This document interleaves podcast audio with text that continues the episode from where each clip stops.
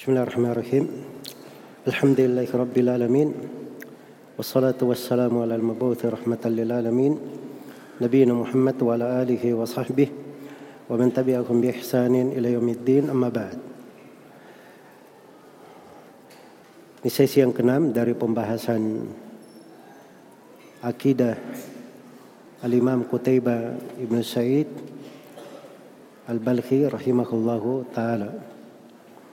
Dari poin-poin kesepakatan yang beliau nukil dari para ulama as-salaf. Di silsilah kemilau akidah as-salaf rahimahumullahu taala. Kita sekarang akan masuki halaman 24 dari buku panduan.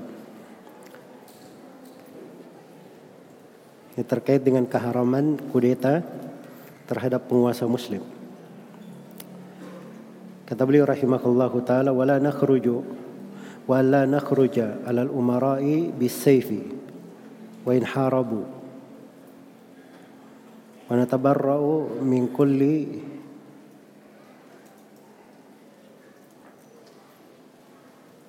ونتبرأ من كل يرى السيف في المسلمين كائنا من كان. Kata beliau,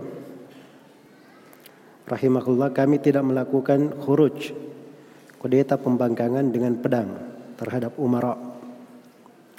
Walaupun mereka memerangi kami. Iya.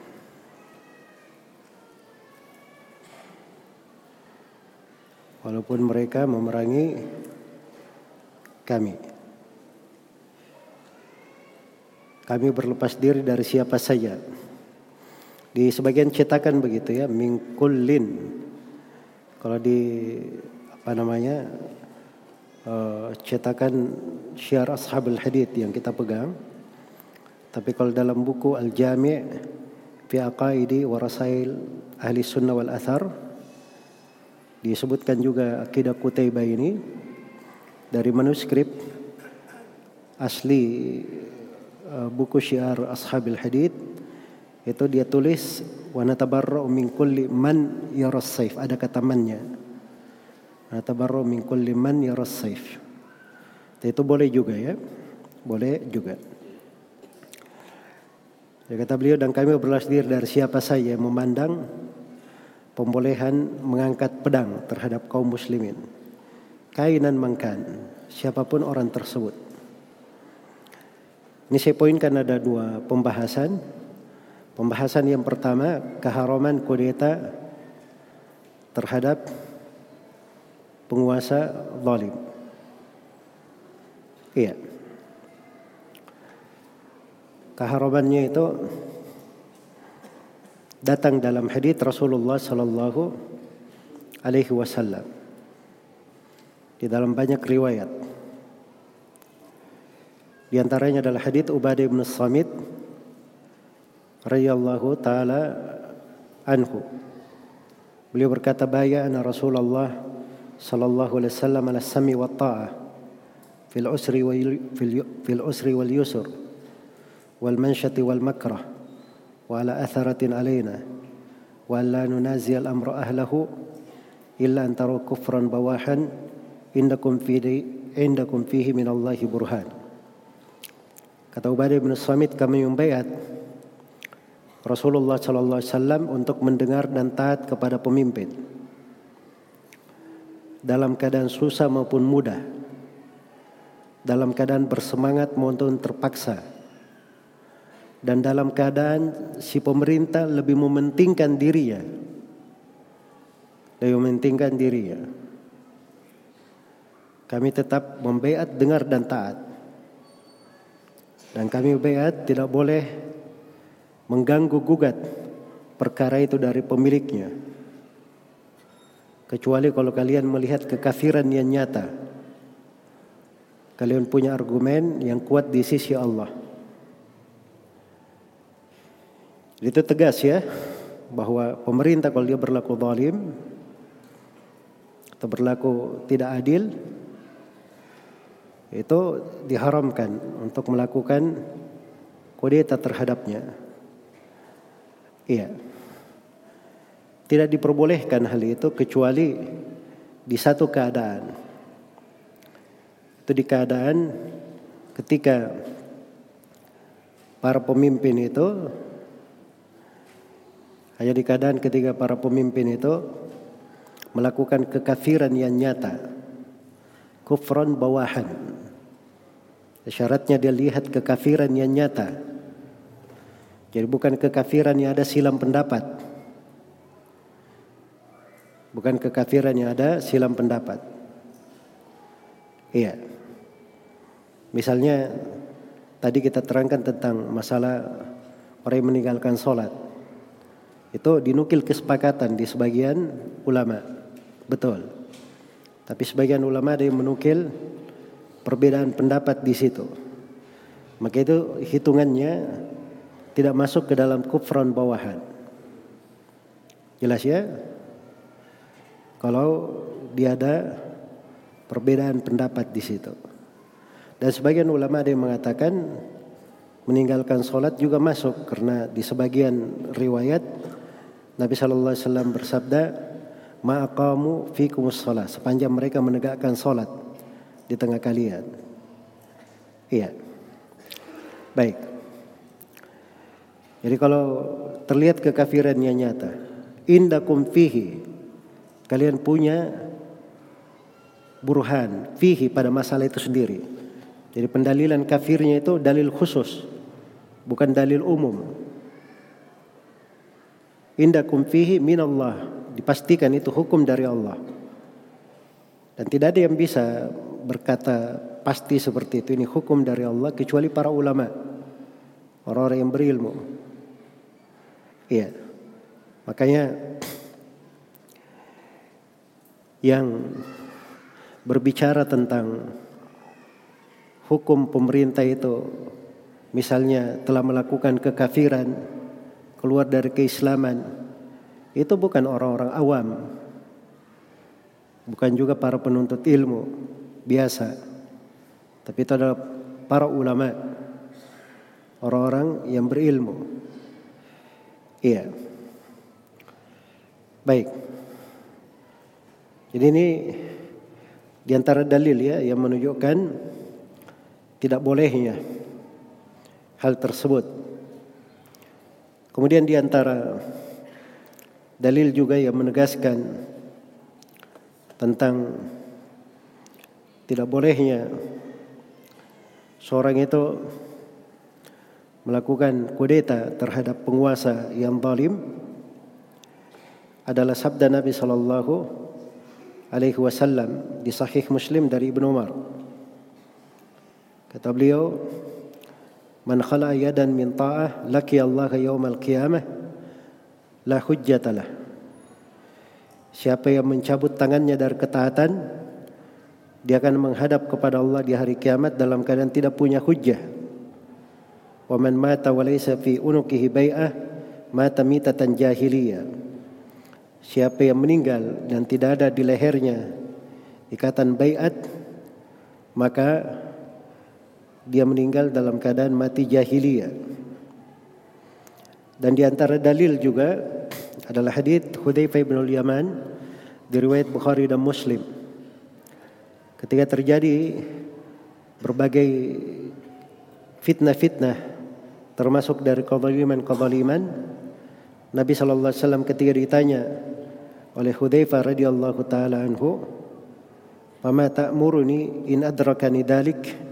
Apa perintahmu ya Rasulullah kalau saya didapati oleh hal tersebut? Kata beliau talzam jama'atal muslimin wa imamahum. Kamu berpegang teguh dengan jemaah kaum muslimin dan imam mereka. Iya berpegang teguh dengan jemaah kaum muslimin dan imam mereka. Jadi tidak diperintah, diperintah untuk melakukan kudeta tapi disuruh komitmen dengan jemaah kaum muslimin. Dan juga di dalam hadits Hudzaifah di riwayat Muslim Rasulullah sallallahu alaihi wasallam ketika menceritakan tentang kejadian-kejadian di akhir zaman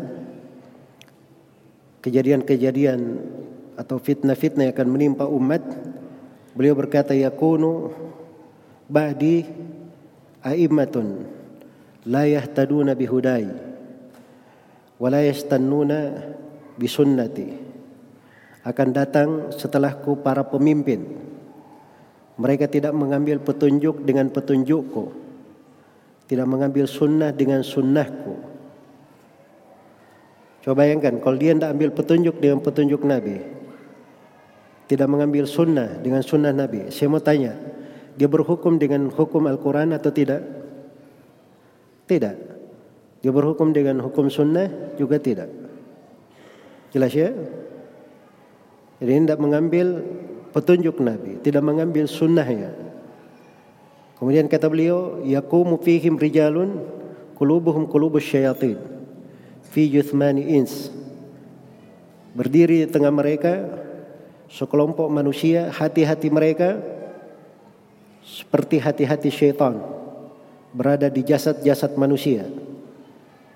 Maka Hudzaifah bertanya, "Qultu kaifa asnau ya Rasulullah in adraktu dalik?"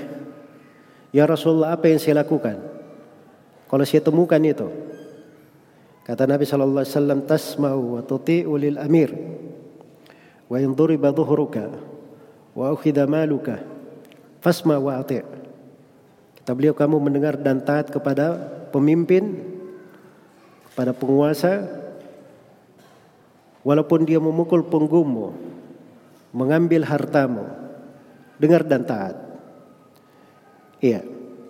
Nah, hadith-hadith yang seperti ini jumlahnya puluhan dari Nabi Shallallahu Alaihi Wasallam.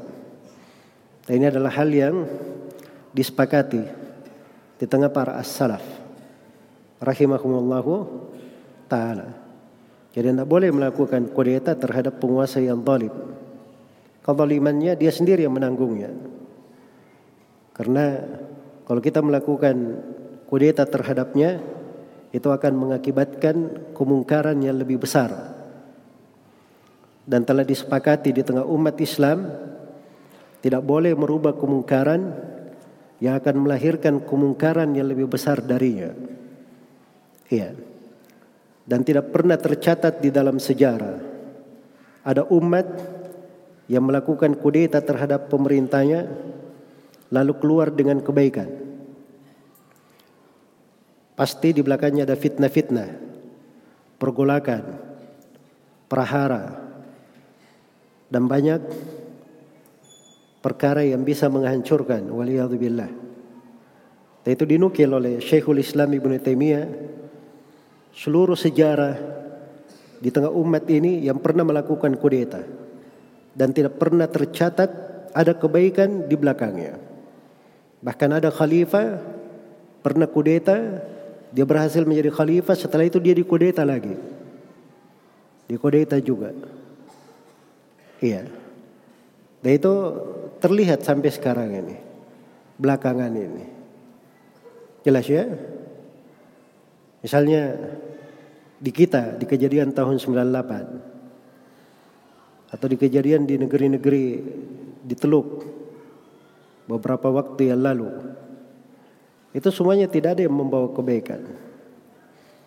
Jelas ya? Yang mengangkat dirinya dengan cara ribut-ribut di jalan juga diturunkan dengan cara ribut-ribut di jalan pula. Karena itu sudah diketahui hal ini. Makanya Imam Malik rahimahullahu taala berkata 60 tahun dipimpin oleh pemimpin yang zalim sewenang-wenang itu lebih baik daripada satu hari tanpa pemimpin. Lebih baik daripada satu hari tanpa pemimpin. Begitu cara berpikir orang yang beragama. Orang yang ikhlas.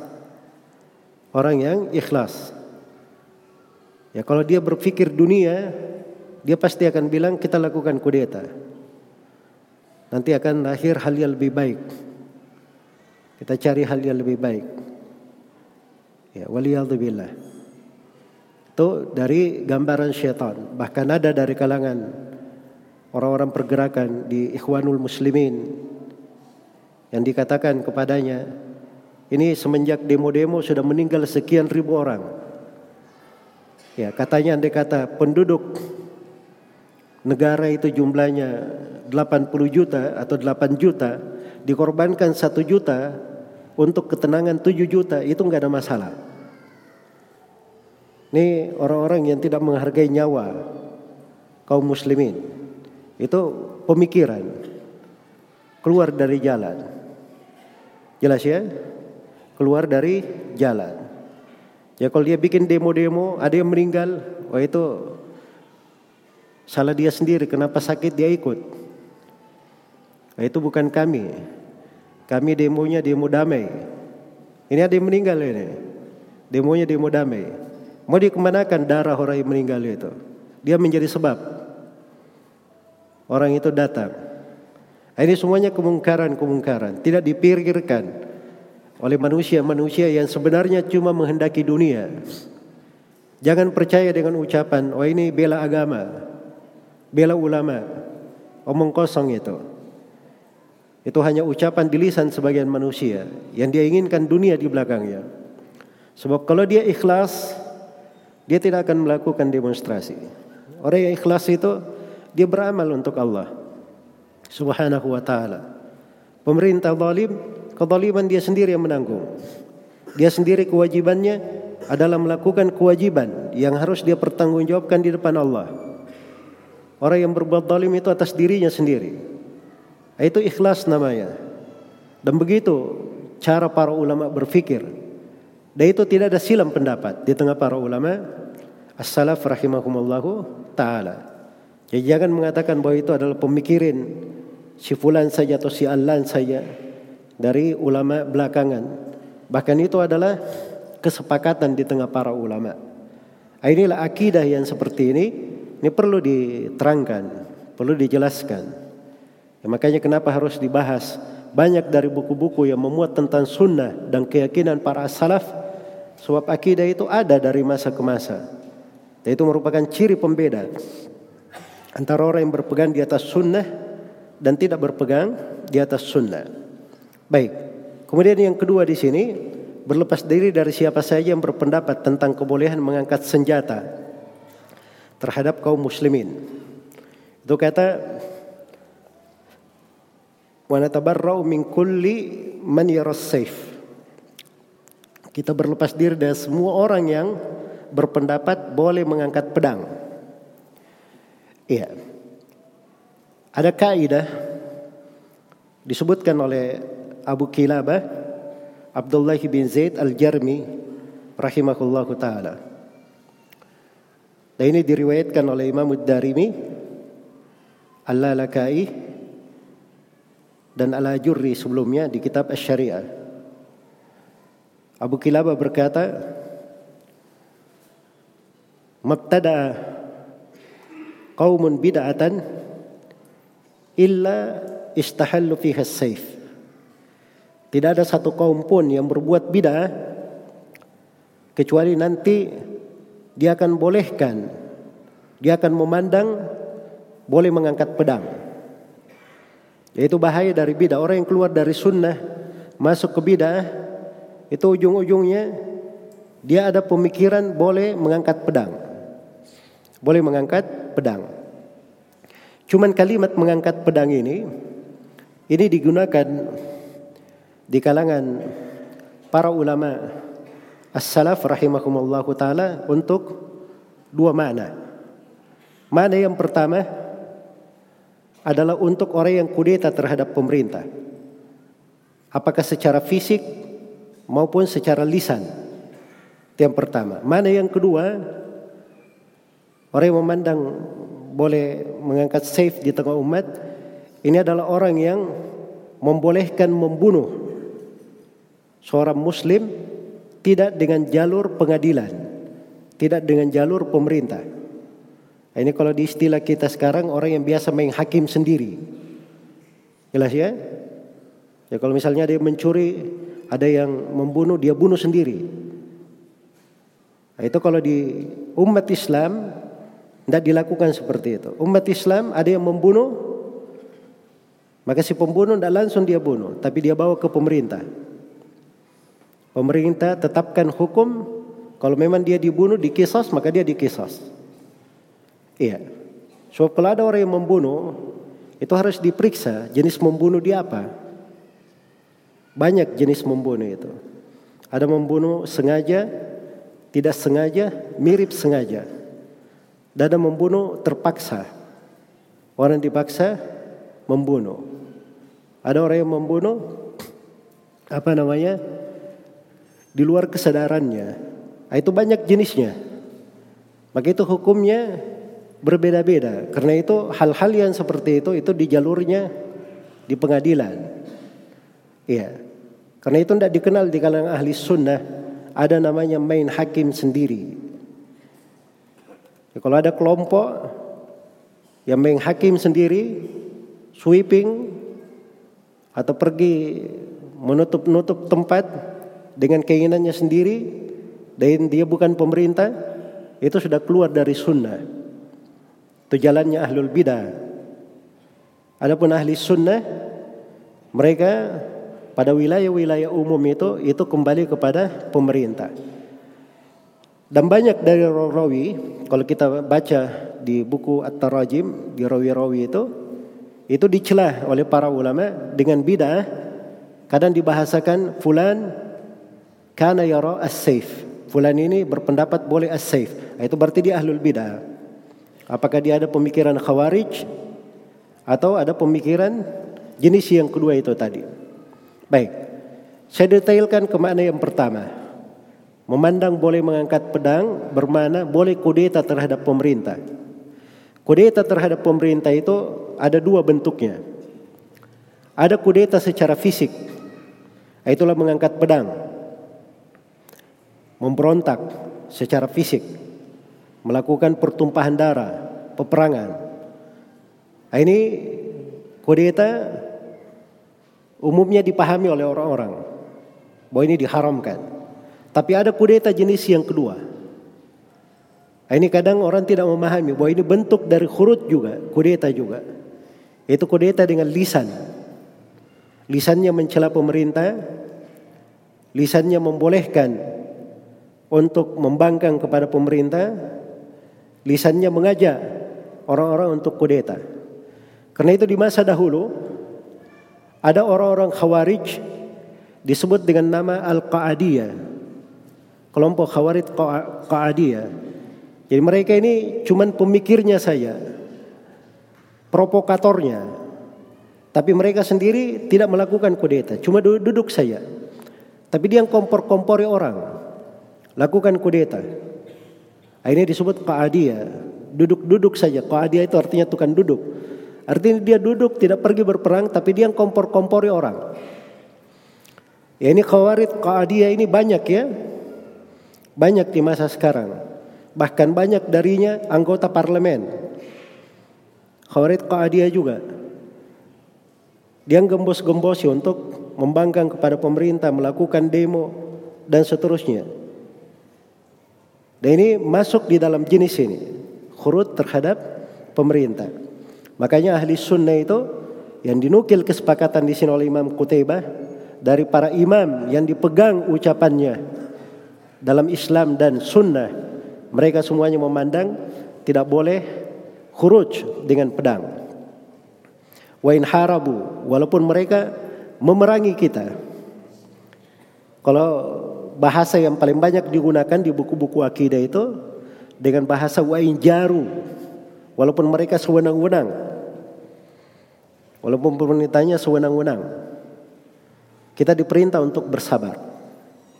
Diperintah untuk bersabar. Baik. Kemudian setelah itu penulis rahimahullah taala berpindah menjelaskan tentang keutamaan para sahabat Rasulullah sallallahu alaihi wasallam para khulafa ar-rasyidin. Di sini beliau mulai dengan menyebut para khulafa ar-rasyidin. Kata beliau wa afdalu hadhihi al-ummati ba'da nabiyiha Abu Bakrin, thumma Umaru, thumma Uthman. Dan sebaik-baik umat ini setelah nabinya adalah Abu Bakar, kemudian Umar, selanjutnya Uthman radhiyallahu anhum ajmain. Tidak disebutkan Ali bin Abi Thalib di sini, oleh penulis rahimahullah Karena beliau hanya ingin menjelaskan pokok kesepakatan terkait dengan masalah khilafah pada tiga khalifah ini. Adapun Ali bin Abi Thalib dan para sahabat yang lain, mereka semuanya itu dimaklumi akan keutamaan dan kebaikannya. Baik. Dan di sini saya poinkan ada tiga pembahasan. Pembahasan yang pertama ada empat ya pembahasan. Pembahasan yang pertama urutan urutan terbaik di tengah umat ini dalam kehilafan dan keutamaan. Iya. Jadi ada tiga disebut nama ya. Abu Bakar, Umar. Abu Bakar dan Umar itu tidak silam pendapat. Setelah itu Uthman yang ketiga. Dari sudut khilafah juga tidak ada silam pendapat di tengah para sahabat Rasulullah Shallallahu Alaihi Wasallam. Karena ketika Nabi Shallallahu Alaihi Wasallam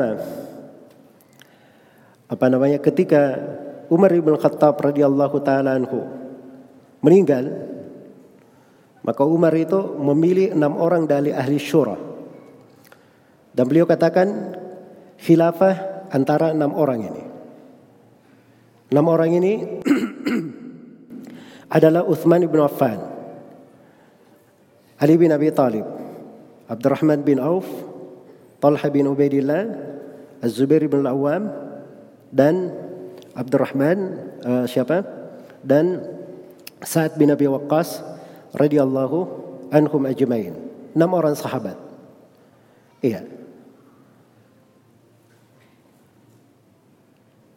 Az-Zubair bin Awam atau uh, Sa'ad bin Abi Waqqas dan Talha bin Ubaidillah ini tiga orang sahabat ini menganggap diri mereka tidak lebih utama daripada temannya.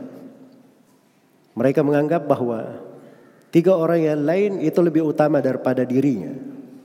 Maka Az-Zubair bin Lawam sudah menjatuhkan pilihannya kepada Uthman. Sedangkan dua sahabat yang lain memberikan kepada Ali dan satu kepada Abdurrahman bin Auf. Berarti sisa tiga. Menjadilah antara Uthman Ali dan Abdurrahman bin Auf. Abdurrahman bin Auf berkata kepada Ali dan Uthman, saya tidaklah lebih layak daripada kalian berdua. Maka Abdurrahman bin Auf dudukkan mereka berdua. Dan dia biat setiap dari keduanya. Dia katakan kalau saya membayat engkau sebagai khalifah membayat kalian sebagai khalifah salah satu dari kalian berdua apakah kalian siap dan menerima ridha dengan hal tersebut? Keduanya mengiyakan. Terus secara tersendiri Abdurrahman bin Auf kepada Uthman berkata kalau saya tidak membayatmu lalu saya bayat Ali bin Abi Thalib apakah engkau ridha? Kata Uthman iya kemudian Abdurrahman juga berkata kepada Ali sama kalau saya tidak membayatmu saya, tapi saya membayat Uthman apakah engkau ridha maka Ali berkata iya. Iya. Dan Uthman sendiri dia menganjurkan Ali untuk sebagai khalifah. Dan Ali sendiri menganjurkan Uthman. Maka itu menjadi berat bagi Abdurrahman bin Auf radhiyallahu taala anhu. Disebutkan di dalam buku-buku sejarah bahwa itu hari-hari terberat di dalam kehidupan Abdurrahman bin Auf. Beliau berkeliling kepada kaum muhajirin, kaum al-ansar. Dia datangi rumah-rumah para sahabat. Dia tanyakan, di antara para sahabat, antara dua ini siapa yang paling berhak? Dan beliau selalu melakukan sholat istikharah. Sampai suatu hari beliau mengumpulkan kaum muslimin. Beliau mengumpulkan kaum muslimin di masjid. Kemudian beliau berkata, berdirilah wahai Uthman. Saya telah melihat bahwa tidak ada yang lebih utama di tengah kita melebihi Uthman. Maka semua sahabat yang hadir di situ termasuk Ali bin Abi Thalib membiat Uthman bin Affan. Maka itu namanya kesepakatan para sahabat. Siapa yang menyelesaikan kesepakatan para sahabat dalam hal ini itu pasti dia tersesat keluar dari jalan yang lurus. Ahlul bidah. Itu maksudnya urutan di dalam khilafah. Adapun dari sudut keutamaan, yang mana lebih utama antara Uthman dan Ali, di masa dahulu memang pernah ada silam pendapat ringan. Ada yang mengatakan sebagian kecil mengatakan Ali lebih utama dari Uthman, tapi setelah itu itu hilang. Dan menjadilah kesepakatan Uthman juga lebih utama daripada Ali bin Abi Thalib radhiyallahu taala anhu. Jadi itu urutannya. Secara berurut seperti itu. Ya secara berurut seperti itu. Kondisi atau urutan tiga orang yang terbaik di tengah umat ini. Abu Bakar kemudian Umar kemudian Uthman radhiyallahu taala anhum ajmain. Pembahasan yang kedua keutamaan Abu Bakar As-Siddiq radhiyallahu taala anhu ini sebenarnya berbicara tentang keutamaan para sahabat. Ini pembahasan panjangnya karena ditulis dalamnya buku-buku tentang fadailis sahabat. Ada buku khusus tentang keutamaan Abu Bakar, ada buku khusus tentang keutamaan Umar, ada buku khusus tentang keutamaan Uthman, dan ada buku khusus tentang keutamaan Ali bin Abi Thalib radhiyallahu taala anhum ajmain. Iya. Jadi banyak hal yang bisa dikaji di situ. Dan di situlah indahnya pembahasan usul i'tiqad. Sebab seorang kalau masuk di dalam buku-buku akidah, dia akan selalu mengagungkan dan membesarkan para sahabat Rasulullah sallallahu alaihi wasallam secara global dan satu persatu. Iya, kalau dia lihat dari sirah para sahabat itu, maka mana-mana keimanan, kecintaan kepada mereka. Dan itu yang akan menjadi sebab seorang dikumpulkan bersama siapa yang dia cintai. Almar'u ma'aman ahabba. Seorang itu akan dikumpulkan bersama siapa yang dia cintai. Pembahasan yang kedua keutamaan Abu Bakar As-Siddiq radhiyallahu taala anhu. Abu Bakar itu kunyah. As-Siddiq itu gelar. Dan gelar ini As-Siddiq itu syah di dalam uh, beberapa riwayat bahwa itu adalah gelar Nabi Shallallahu Alaihi Wasallam yang menggelari Abu Bakar As-Siddiq dengan gelar tersebut. Iya. Dan datang di tafsir ayat Walladhi ja'a bis-sidqi wa saddaqa bihi humul muttaqun orang yang datang dengan kebenaran dan membenarkan dengannya mereka inilah orang-orang yang bertakwa. Nah, ini dikatakan yang datang dengan kebenaran ada Rasulullah sallallahu alaihi wasallam yang membenarkannya itu adalah Abu Bakar radhiyallahu taala anhu. Makanya beliau disebut sebagai As-Siddiq. Iya. Abu Bakar radhiyallahu taala anhu beliau dari Quraisy. Sebab semua khilafah itu harus berasal dari Quraisy. Khilafah itu asalnya kata Nabi sallallahu alaihi wasallam a'immatu al-a'immatu min Quraisy khalifah itu dari Quraisy. Ya kalau memilih pemimpin asalnya dari Quraisy. Kalau tidak ada dari Quraisy, ada yang lainnya setelah Syah diangkat sebagai pemimpin, maka itu Syah saja. Tapi dianggap ada kekurangan. Sebab idealnya pemimpin itu dari mana? Dari Quraisy. Iya. Dan Quraisy itu itu ada yang mengatakan dia kembali kepada uh, Fihir dan ada yang mengatakan dia kembali kepada An-Nadar. Kembali kepada An-Nadar dari urutan orang-orang Quraisy. Kalau Abdullah uh, Abu Bakar Siddiq nama beliau Abdullah bin Uthman bin Amir bin Amr bin Ka'ab bin Sa'ad bin Taim bin Murrah bin Ka'ab bin Lu'ay bin Ghalib. Dia bertemu dengan nasab Nabi sallallahu alaihi wasallam pada Murrah bin Ka'ab. Pada Murrah bin Ka'ab. Iya. Itu bertemunya dengan nasab Nabi sallallahu alaihi wasallam di situ. Dan keutamaan beliau sangat banyak sekali. Radhiyallahu taala anhu. Beliau khalifah Rasulullah sallallahu alaihi wasallam yang pertama. Kawan Rasulullah sallallahu alaihi wasallam di dalam gua yang disebutkan tentang keutamannya di dalam Al-Quran dan beliau adalah yang menggantikan Nabi Shallallahu Alaihi Wasallam di dalam solatnya ketika beliau sakit Ya, dan berbagai keutamaan terkait dengan Abu Bakar As-Siddiq radhiyallahu taala anhu. Kemudian yang kedua, keutamaan Umar ibn Al-Khattab radhiyallahu taala anhu. Umar ibn Al-Khattab digelari dengan Al-Faruq. Digelari dengan Al-Faruq. Dan beliau adalah khalifah setelah Abu Bakar. Iya. Khalifah setelah Abu Bakar bitauliya. Karena Abu Bakar menyerahkan kekuasaan setelahnya kepada Umar. Jadi Abu Bakar masih hidup. Abu Bakar masih hidup. Dan Abu Bakar berkata, Khalifah setelah saya adalah Umar ibn Khattab. Dan beliau membaiat para sahabat untuk hal itu. Maka setelah beliau meninggal, setelah beliau meninggal, Umar ibn Khattab radhiyallahu taala anhu langsung dibaiat sebagai khalifah oleh seluruh orang sahabat. Tidak ada silam pendapat dalam hal itu. Adapun Umar bin Khattab, Abu Hafs kunya beliau, nama lengkapnya Umar ibn Khattab bin Nufail ibni Abdul Uzza bin Riyah ibni Abdullah ibn Qurt ibn Razah ibni Adi ibni Adi bin Ka'ab bin Luay bin Ghalib Al-Qurashi. Dikatakan Al-Adawi itu nisbat kepada Adi. Ya, Adi bin Ka'ab. Jadi bertempunya di nasab Nabi sallallahu alaihi wasallam pada Ka'ab bin Lu'ainya. Pada Ka'ab bin Lu'ai.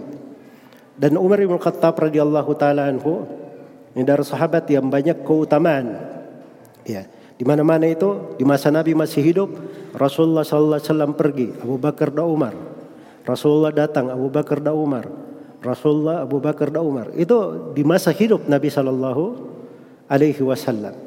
Sampai di masa beliau masih hidup, Nabi pernah masuk ke sumur, beliau turunkan kakinya, datang Abu Bakar, datang Umar. Ya begitu datang Uthman, ternyata sumurnya sudah penuh. Sumurnya sudah penuh.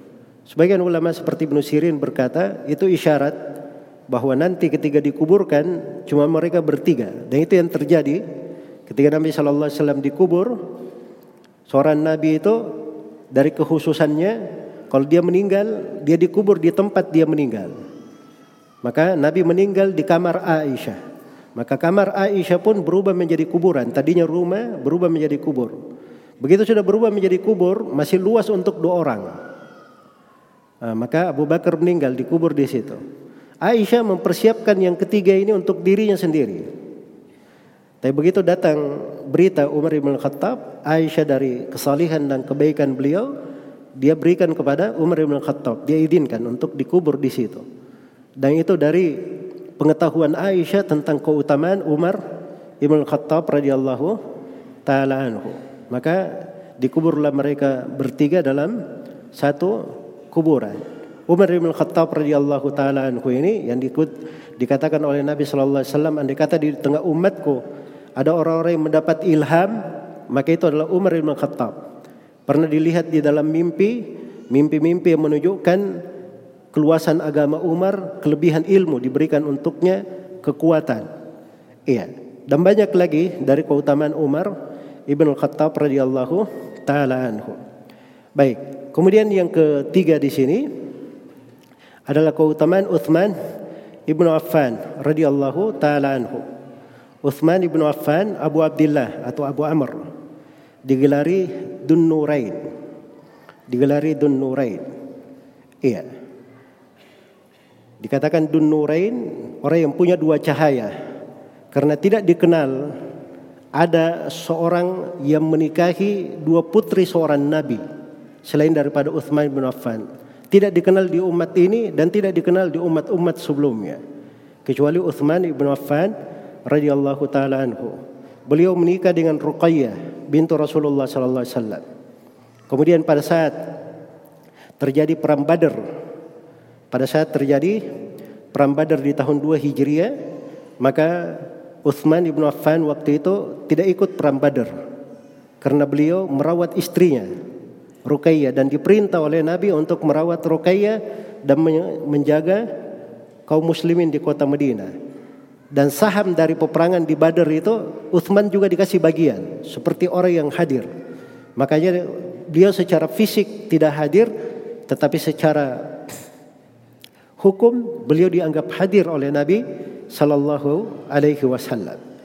Setelah Ruqayyah meninggal, maka Nabi sallallahu alaihi wasallam jadi uh, Uthman bin Affan radhiyallahu taala anhu itu menguburkan Ruqayyah dan bersama dengan itu datang berita bahwa Rasulullah sallallahu alaihi wasallam dan para sahabat menang di perang Badar.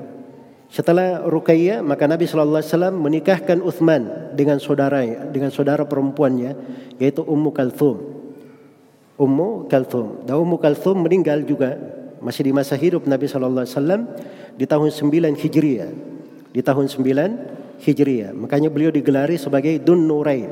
Nama lengkapnya Uthman Ibnu Affan Ibni Abil As Ibni Umayyah Ibni Abdi Syams Ibn Abdi Manaf Ibn Qusay Ibn Qusay berjumpa pada Abdi Manafnya berjumpa pada Abdi Manaf bin Qusay di nasab Nabi Shallallahu Alaihi Wasallam karena nasab Nabi Shallallahu Alaihi Wasallam yang disepakati itu adalah Muhammad bin Abdillahi bin Abdul Muttalib bin Hashim bin Abdi Manaf bin Qusay bin Kilab bin Murrah bin Ka'ab bin Lu'ay bin Ghalib bin Fihir bin Malik bin Nadar bin Kinana bin Khuzaimah bin Mudrika bin Ilyas bin Mudar bin Nizar bin Ma'ad bin Adnan. Nah, itu nasab yang disepakati untuk Rasulullah sallallahu alaihi wasallam di tengah para ahli nasab.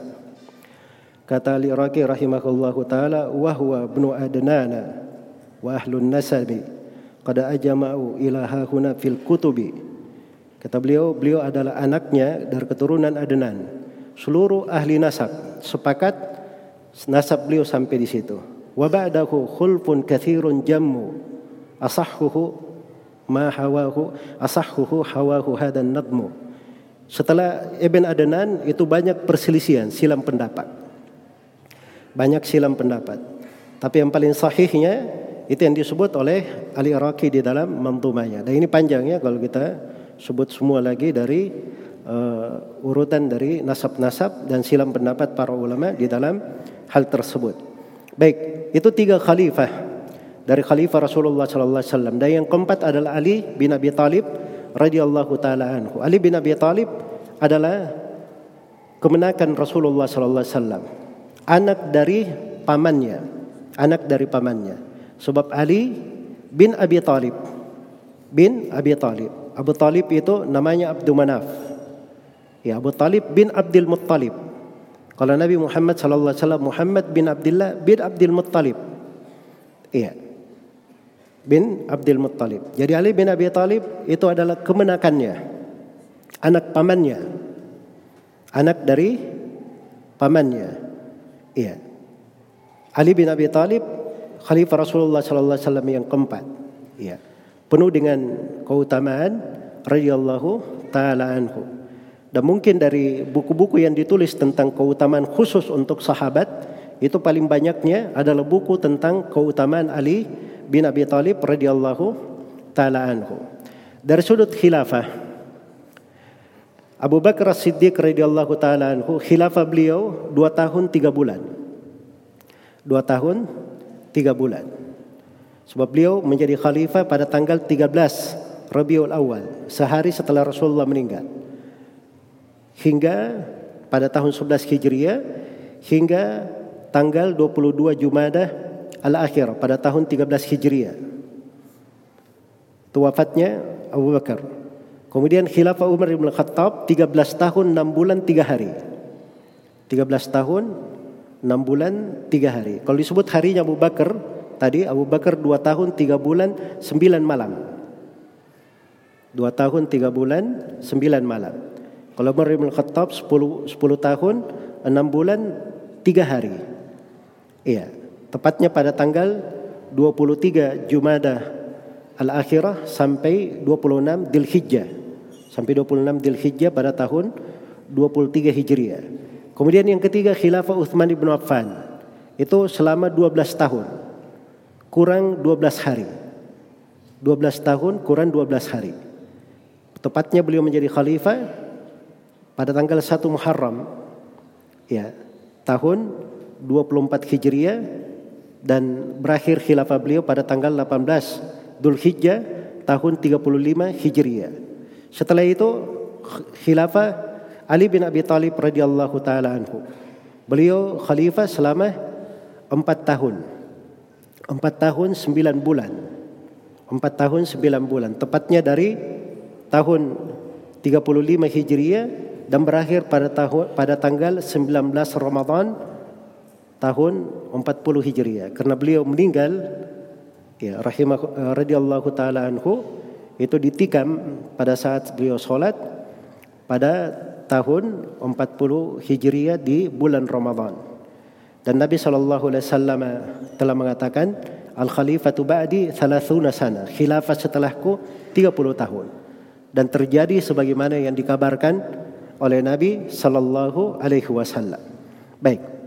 Kemudian setelah itu dikatakan di sini oleh penulis rahimahullah di halaman 26 kewajiban terhadap seluruh sahabat Rasulullah sallallahu alaihi wasallam. Kewajiban terhadap seluruh sahabat Rasulullah sallallahu alaihi wasallam. Baik. Kata beliau wal kaffu an masawi ashabi Muhammadin sallallahu alaihi wasallam wala nadhkuru ahadan minhum bisu' wala nantaqisu ahadan minhum.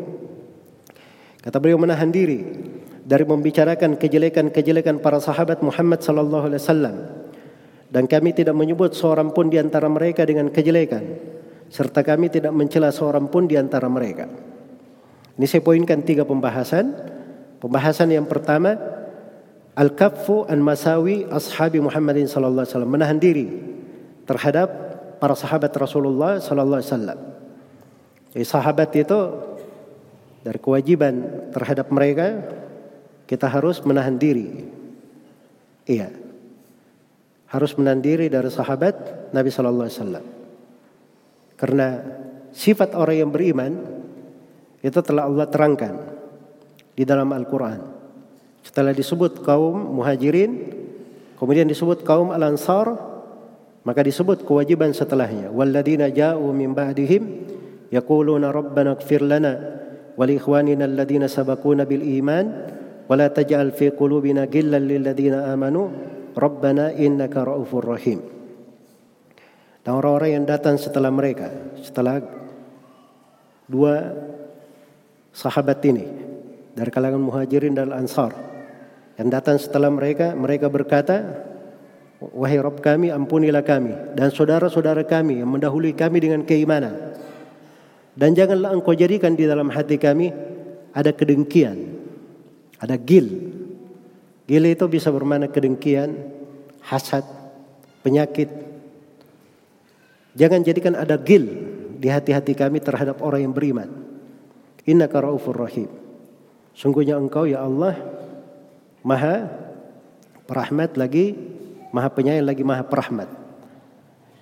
Nah itu banyak dari ulama salaf itu membahasakan seperti Syekhul Islam Ibnu Taimiyah membahasakan bahwa terhadap para sahabat itu kita selamat lisan dan selamat hati dari para sahabat. Dua, selamat lisannya dan selamat hatinya. Selamat hatinya dia cinta kepada para sahabat Nabi. Tidak ada kedengkian, tidak ada penyakit hati apa pun terhadap sahabat. Selamat lisannya Lisannya selalu mendoakan kebaikan untuk para sahabat. Ridha kalau disebut nama mereka radhiyallahu anhum ajmain. Tidak mencela mereka, tidak menjelekkan. Tidak menjelekkan siapa pun dari sahabat Nabi sallallahu alaihi wasallam. Maka ini kewajiban terkait dengan para sahabat. Kemudian yang kedua, tidak boleh menyebut sahabat dengan kejelekan. Jika ada sahabat Rasulullah sallallahu alaihi wasallam, tidak boleh disebut dengan kejelekan harus disebut dengan kebaikan. Ya, la yudkaruna illa bil jamil. Tidak boleh disebut kecuali dengan hal yang paling indah. Untuk sahabat Nabi sallallahu alaihi wasallam. Karena dalam hadis Abu Sa'id Al-Khudri diriwayatkan oleh Imam Al-Bukhari dan Imam Muslim, Rasulullah sallallahu alaihi wasallam bersabda, "La tasubbu ashabi." Jangan kalian mencela para sahabatku. Jangan kalian mencela para sahabatku. Lau anna li ahadikum mithla Uhudin dhahaban fa anfaqahu fi sabilillah ma qabilallahu minhu. Ya, apa ma balagha mudda ahadihim wala nasifa. Andai kata salah seorang di antara kalian punya emas sebanyak gunung Uhud, lalu dia infakkan di jalan Allah, maka itu tidak akan mencapai satu mud dari amalan sahabat. Satu mud itu dua telapak tangan. Tidak mencapai satu mud dari amalannya para sahabat. Jangankan satu mud, setengahnya saja tidak capek. Setengahnya saja tidak sampai. Maka bahasa itu la tasubbu, jangan kalian mencela. Terus diterangkan keutamaan kenapa tidak boleh celah. Karena para sahabat itu kalaupun dia punya kejelekan-kejelekan, kejelekannya itu sudah tenggelam di dalam lautan kebaikan mereka.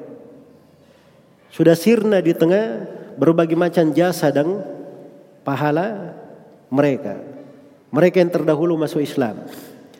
Mereka yang menjadi sebab agama ini sampai kepada kita.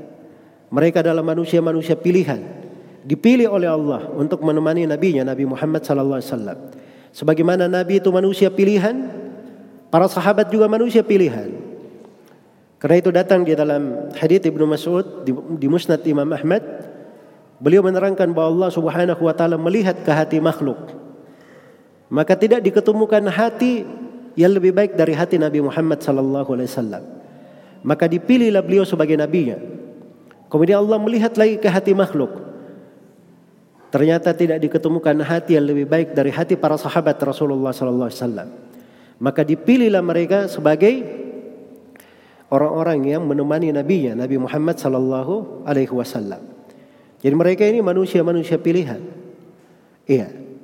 Karena itu amalan apa pun yang dilakukan oleh umat Islam setelah para sahabat, sebanyak apa pun, sebesar apa pun, tidak akan menca tidak akan mungkin mencapai kedudukan sahabat Rasulullah sallallahu alaihi wasallam.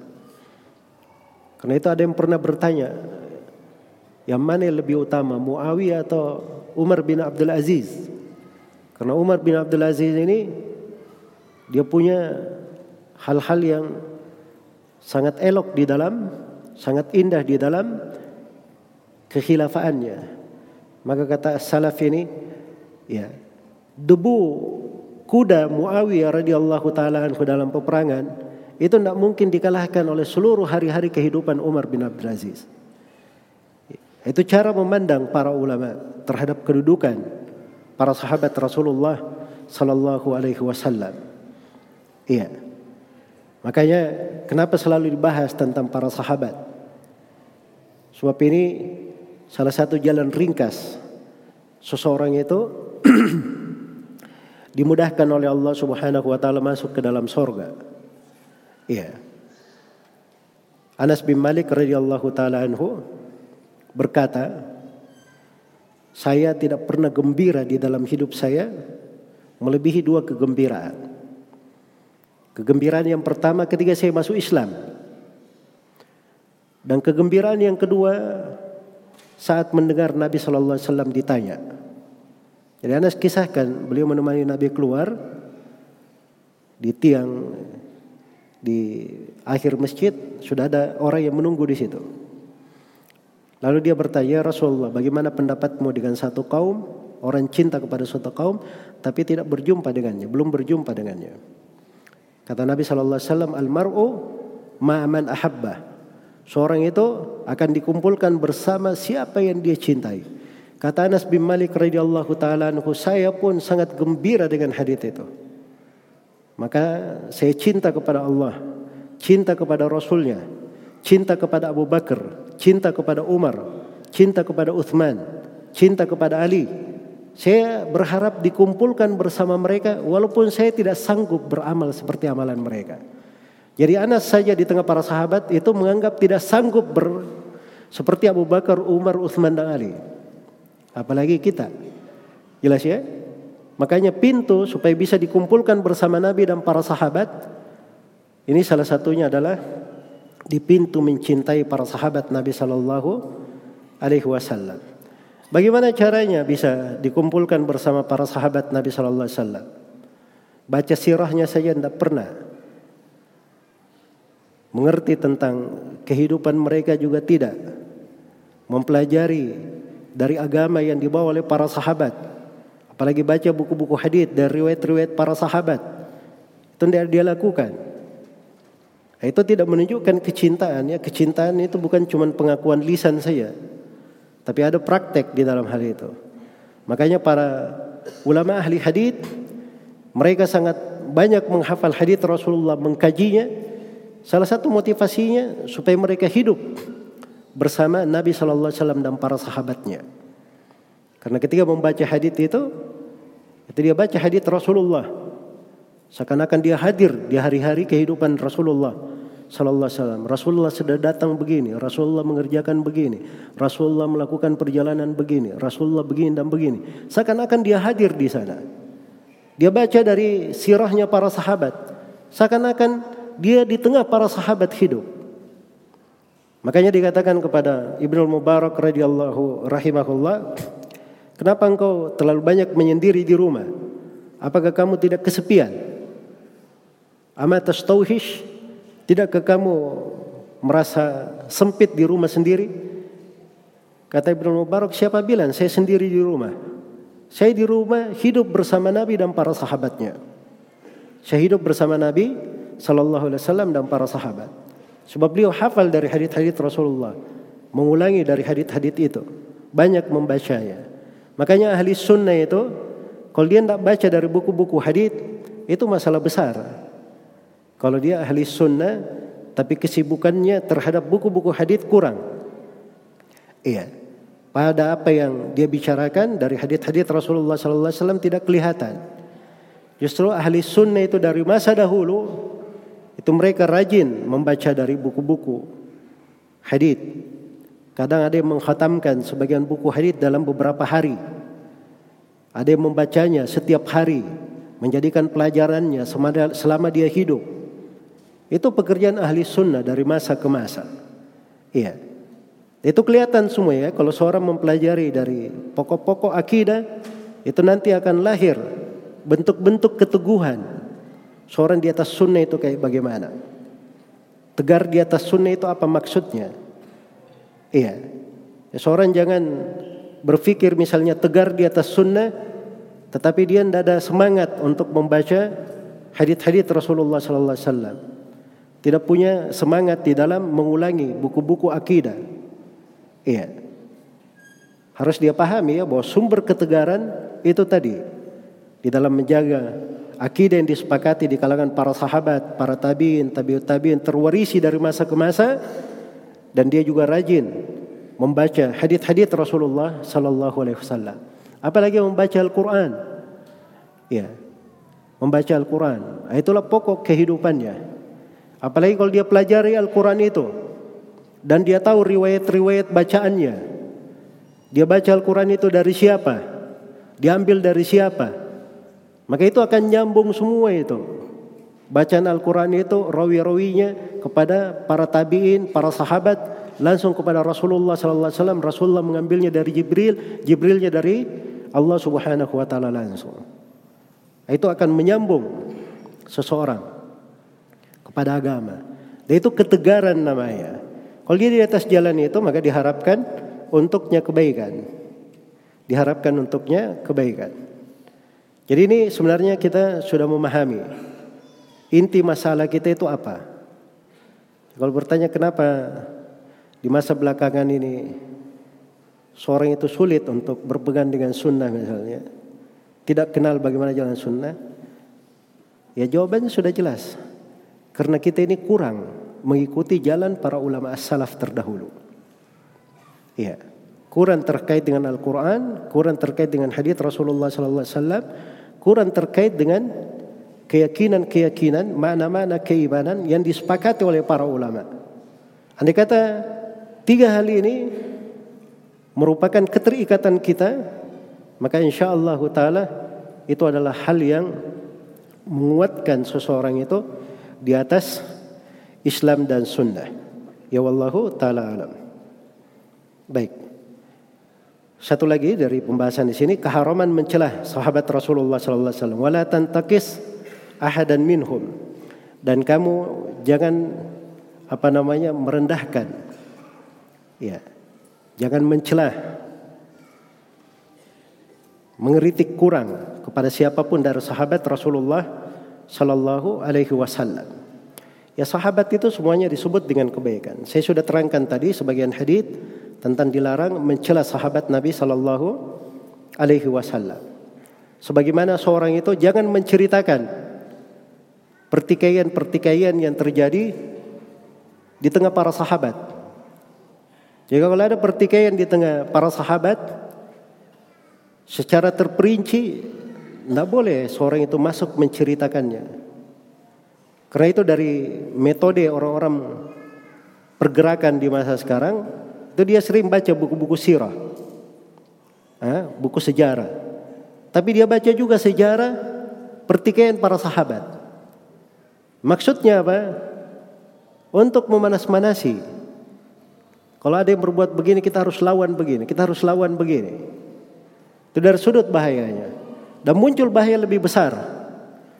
Ketika dia uraikan misalnya pertikaian para sahabat di perang Siffin, pertikaian antara Ali bin Abi Thalib dan Muawiyah radhiyallahu anhum ajma'in, ya, maka ini akan melahirkan hal-hal yang tidak enak di dalam hati. Karena itu para ulama melarang untuk menceritakan pertikaian di tengah para sahabat. Yang ada itu kita puji mereka dengan kebaikan. Bahkan Imam Mudhahabi berkata, banyak dari buku-buku sejarah itu itu layaknya lembaran-lembaran tentang peristiwa itu digulung dan tidak dihikayatkan. Digulung dan tidak dihikayatkan. Akhirnya seperti sekarang ini, ya katanya ahli sunnah. Tapi subhanallah di radionya diputar kitab Al-Awasim Minal Qawasim. Di situ dirinci pertikaian yang terjadi antara para sahabat di buku itu. Dibacakan di depan umum, didengar oleh orang-orang awam. Mana ada ahli sunnah seperti itu? Itu bukan sifat dari ahli sunnah. Ahli sunnah itu dia selalu menahan diri dari para sahabat dan tidak membuka pintu orang-orang bisa berburuk sangka kepada para sahabat Rasulullah sallallahu alaihi wasallam. Karena para sahabat kalau dia berbuat keliru pun kelirunya itu dia dapat pahala. Karena dia berijtihad. Nabi sallallahu alaihi wasallam bersabda, "Idza jatahadal hakim fa asaba falahu ajran wa idza akhta falahu ajrun wahid." Apabila seorang hakim berijtihad, kalau dia benar dia dapat dua pahala, dia keliru dapat satu pahala. Dan para sahabat itu murid-murid langsung Rasulullah sallallahu alaihi wasallam. Mereka diizinkan berijtihad di masa Nabi sallallahu alaihi wasallam. Iya. Seperti sahabat yang ketika tidak ada air itu, tidak ada air, Nabi sedang sholat bersama para sahabat. Tidak ada air, dia duduk sendiri. Tidak ikut sholat. Dia berijtihad. Karena tidak ada air. Waktu itu belum ada hukum tayamum. Maka Nabi bertanya kepadanya, kenapa kamu tidak hadir sholat bersama kami? Kata sahabat ini, ya Rasulullah, ajanabtu walama. Saya junub dan tidak ada air. Maka turunlah ayat tayamum. Menjelaskan tentang tayamum. Tapi bersama dengan ini sahabat ini berjitihad. Tidak diingkari oleh Nabi Sallallahu Alaihi Wasallam. Iya, menunjukkan kedudukan para sahabat yang Allah Subhanahu Wa Taala jadikan untuk mereka.